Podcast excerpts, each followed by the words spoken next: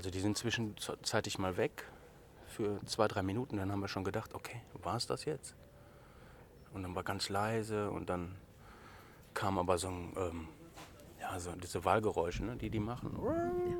Und durch die ganze Bucht in Faro, alles war leise und dunkel. Da dachte ich schon, oh, okay, ich glaube, das war die Mutter, die Mama. Ja? Jetzt geht's los. Dit is een podcast van Zeilen Magazine.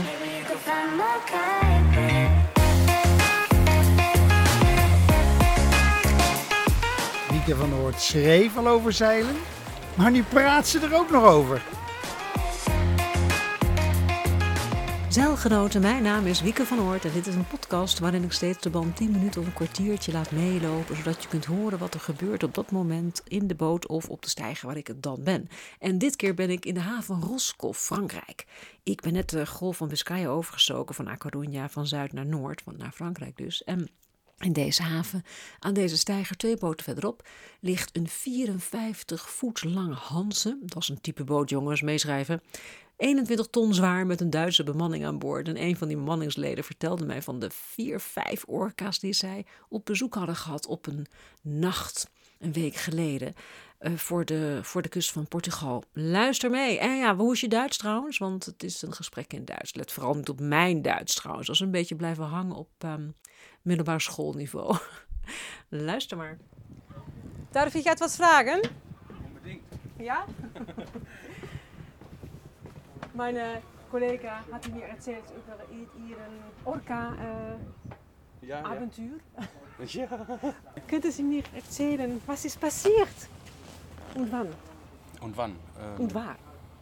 Ja, es, also es war in der Bucht von Faro. Da sind, da sind Fischfanggebiete, Ja. Hauptsächlich für Thunfisch. Ja. Und ähm, wir kamen aus der Straße von Gibraltar. Ähm, es war leicht, leichter Mondschein auf dem Wasser, ganz flacher See. Und ähm, Wie spät war es? es war so 1 Uhr nachts. Ein Uhr, ja. Und ähm, stand, ich, an stand am, nee, ich stand am Ruder, ich hatte als einziger Nachtwache. Ah, okay, ja. Die anderen haben geschlafen. Ja. Und dann, ähm, wir sind mit sechs Knoten, sechseinhalb Knoten, haben wir Fahrt gemacht unter Motor, Segel alle runter. Mhm.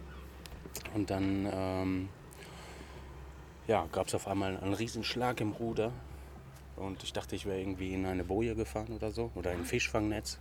Und die, und die Wiele waren automatisch oder mit Hand?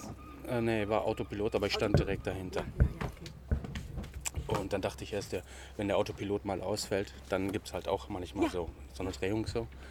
Und ähm, ich dachte das wäre irgendwas Problem mit der Elektronik. Und ähm, dann habe ich sie erstmal wieder auf Kurs gebracht.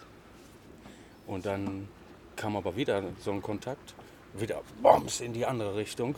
Und das war so hart, ich habe mich schon am Ruder festgehalten und ich bin so richtig über, fast über Bord gegangen. Ja, ja. Ich dachte mir, wow, das ist aber komisch. Ne? Dann habe ich den Skipper gerufen. Ich so, Skipper, hier ist irgendwas komisch. Irgendwas stimmt mit der Elektrik, glaube ich nicht. Noch gar nicht gecheckt, dass das ein Fisch ist, ja? Oder Fisch sein könnte. Natürlich. Und dann, ähm, Man denkt nicht daran. nee, überhaupt nicht, ja. Und dann erstmal so ins Wasser geguckt, ob wir da irgendwie eine Boje sehen, die dann runterzieht oder irgendwie sowas. Und dann, ähm, ja, gab es schon wieder bang den nächsten Kontakt. Und diese. Und diese 21 Tonnen Schiff hier ist ja 54 Fuß, ist ja schon relativ groß. Das legst du ja nicht mal eben so im Kreis rum. Ne? Und dann, dann drehte sich das halt alles einmal in die Richtung, dann einmal in die andere Richtung. Und wir haben gar nicht verstanden, was da ging. Ja, und dann kam, ähm, kam der Skipper an ins Cockpit und hat selber versucht. Sagte auch irgendwie, boah, ist merkwürdig, ja. Dann gab es so kleine Kontakt mit so brrt, brrt, brrt. Dann wieder POM! Und die Ruder, beide Ruder drehten in die Richtung, in die Richtung. Und immer richtig bis Endstufe. Wir dachten schon, ach du Scheiße, irgendwas stimmt doch hier nicht. Und dann gucke ich so ins Wasser und dann auf einmal kam, kam so ein schwarzer Rücken, habe ich im Mondlicht gesehen, kam ganz kurz hoch, atmete aus und ähm, ja, gab so eine leichte Brise ins Gesicht. So Meerwasser und Fisch war dann noch mein neues de Toilette. und ähm, ja, und dann dachte ich schon, ach du Scheiße, ich guck mal, ich glaube, das war ein Orca, wenn ich das richtig gesehen habe. Also, hm, ja, man sieht doch nichts hier in der Dunkelheit und so. Ich so, ja, aber Thunfisch macht das doch nicht. Und Orca ist doch bekannt dafür, oder? Und dann auf einmal andere Seite noch ein Fisch. Puh, kam auch hoch. Und dann waren das so, ich habe ich hab vier Stück gezählt. Le Levi waren, hat gesagt, so fünf müssten es gewesen sein. Eine Gruppe von fünf. Aber die waren nicht so groß. Also die waren so drei, vier Meter, würde ich mal behaupten. Ich weiß nicht, ist das nicht das größte groß? Ich glaube, die werden acht Meter oder so, ne? Oh Gott. Oder zehn Meter, ich weiß nicht genau. Ich habe mich jetzt mit dieser Fischart noch nicht so beschäftigt gehabt. Ja, jetzt sind Sie Experte. Naja, auf jeden Fall mit dem Kontakt, ja. Und ähm, naja, wir, wir hatten vorher mit einem Skipper gesprochen in La Linea. Der sagte, dass da in diesem Gebiet das halt öfter vorgekommt, dass wir ein bisschen Obacht äh, geben sollten. Und ähm, habe ich gefragt, ich so, ja, was macht man denn dann? Ja, er sagte, es, ähm, ein Freund von ihm ist das passiert und der sagte, unbedingt rückwärts fahren. Okay. Rückwärts fahren, weil die von hinten kommen und an das Ruderblatt wollen. Also, An das Ruderblatt wollen. Ne? Die beschäftigen sich auch nur mit dem Ruderblatt. Entweder weil das so winkt oder keine Ahnung. Gibt es ja jetzt auch noch nicht so viele, Wissenschaft die ist ja noch nicht so weit. Ne? wissen, was Sie machen. Ja, die sind ja hochintelligent. Ne? Dann waren diese drei, vier, fünf Fische um uns herum. Dann haben wir komplette Elektronik ausgeschaltet. Ja. Erstmal quiet. Und Auch ähm, die Tiefte, der, der, der, der Log. und der Log, ähm, ja, überall Sicherung, Haupt, Hauptsicherung Alles aus. Ne? Okay. Ja, alles aus. Und ähm, Segel waren ja unten, Motor, Stop, Handys, Mobilfunk aus, aus. Ja. alles aus. Und hatte Sie das vorbereitet? Wusste Sie, dass das du hast du? Ja, ähm, das war ein Ratschlag von dem Skipper. Rückwärtsgang rein, Ja. ähm, gegen diese Ruderschwung, dann gehen die von dem Ruderblatt weg. Aber nützt nichts, wenn, die, wenn der Sail Drive unter, vor dem Ruderblatt sitzt. Ja? Du strömst zwar nach hinten, aber da ist das Ruderblatt ja trotzdem noch als erster dran. Naja, und ähm, dann hat das ungefähr gut gewirkt, aber vier Minuten, dann waren sie wieder da. Dann ging es wieder los. Bam, wieder in die eine Richtung. Bam, wieder in die andere Richtung. In, in, vor dem Boot oder? Nee, nur hinten, nur hinten. Mit fünf gleich. Nur hinten, ja, ja. Dann haben sie mal die Kielbombe unten touchiert. Aber, naja. Und waren Sie in Panik, angstig? Ne, wir haben uns göttlich behütet gefühlt. ja.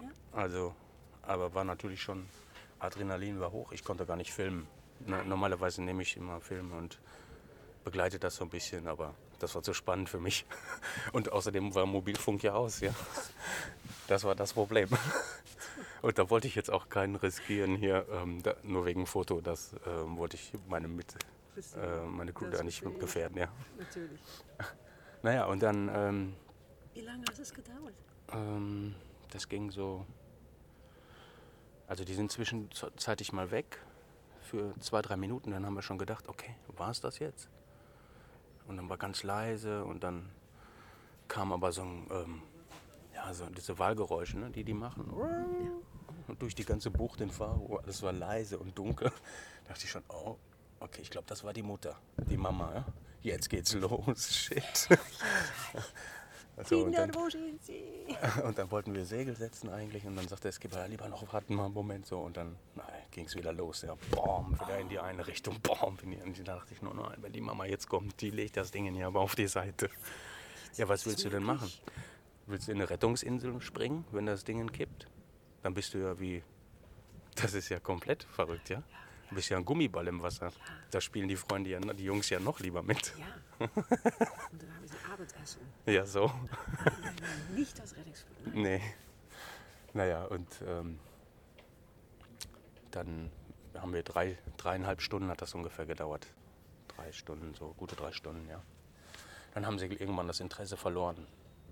Und ich habe mich schon gewundert, weil die Fischtrawler, die waren so zwei, drei Meilen weiter draußen, Ja. fuhren da auf und ab. Und ich dachte mir, warum gehen die denn nicht da dran? Ja, Nee, wir waren gerade interessant für die Babys. Exakt. Die Fische willen nicht essen, aber sie willen, Ja, die wollten spielen. wollen spielen. Ja. Oh, War auch kein Jagdtrieb, also es war nicht so richtig aggressiv. Na, es war jetzt nicht richtig. So, so hart dran. Die wollten nur spielen, glaube ich, ja. Wir sind ja jetzt schon länger unterwegs. Wir mussten das Boot dann auskranen in Portimao. Wir wollten wissen, was los ist unten drunter. Ne? Weil unsere Reise geht noch bis Hamburg. Sind ja noch ein paar Miles. Und ähm, dann wollten wir einmal durchchecken lassen. Aber nichts dran. Nichts dran. Okay, die Hanse hier, das ist die Epoxy-Version. Also ist richtig fett eingekleidet und keine Schramme, keine Macke. noch, nicht mal, noch, nicht mal eine, noch nicht mal eine Spur im, im, im, im, ähm, im Anti-Fouling oder so. Die hatten Hanse. Spaß. Hauptsache, die Jungs hatten Spaß. Ja, vielen Dank für diese Aventur. Ja, Und gerne. ich äh, hoffe, ihr habt eine gute Reise nach Hamburg. Ja, ich hoffe, ihr auch noch. Danke, danke. Bis dann. Auf Wiedersehen. Ciao.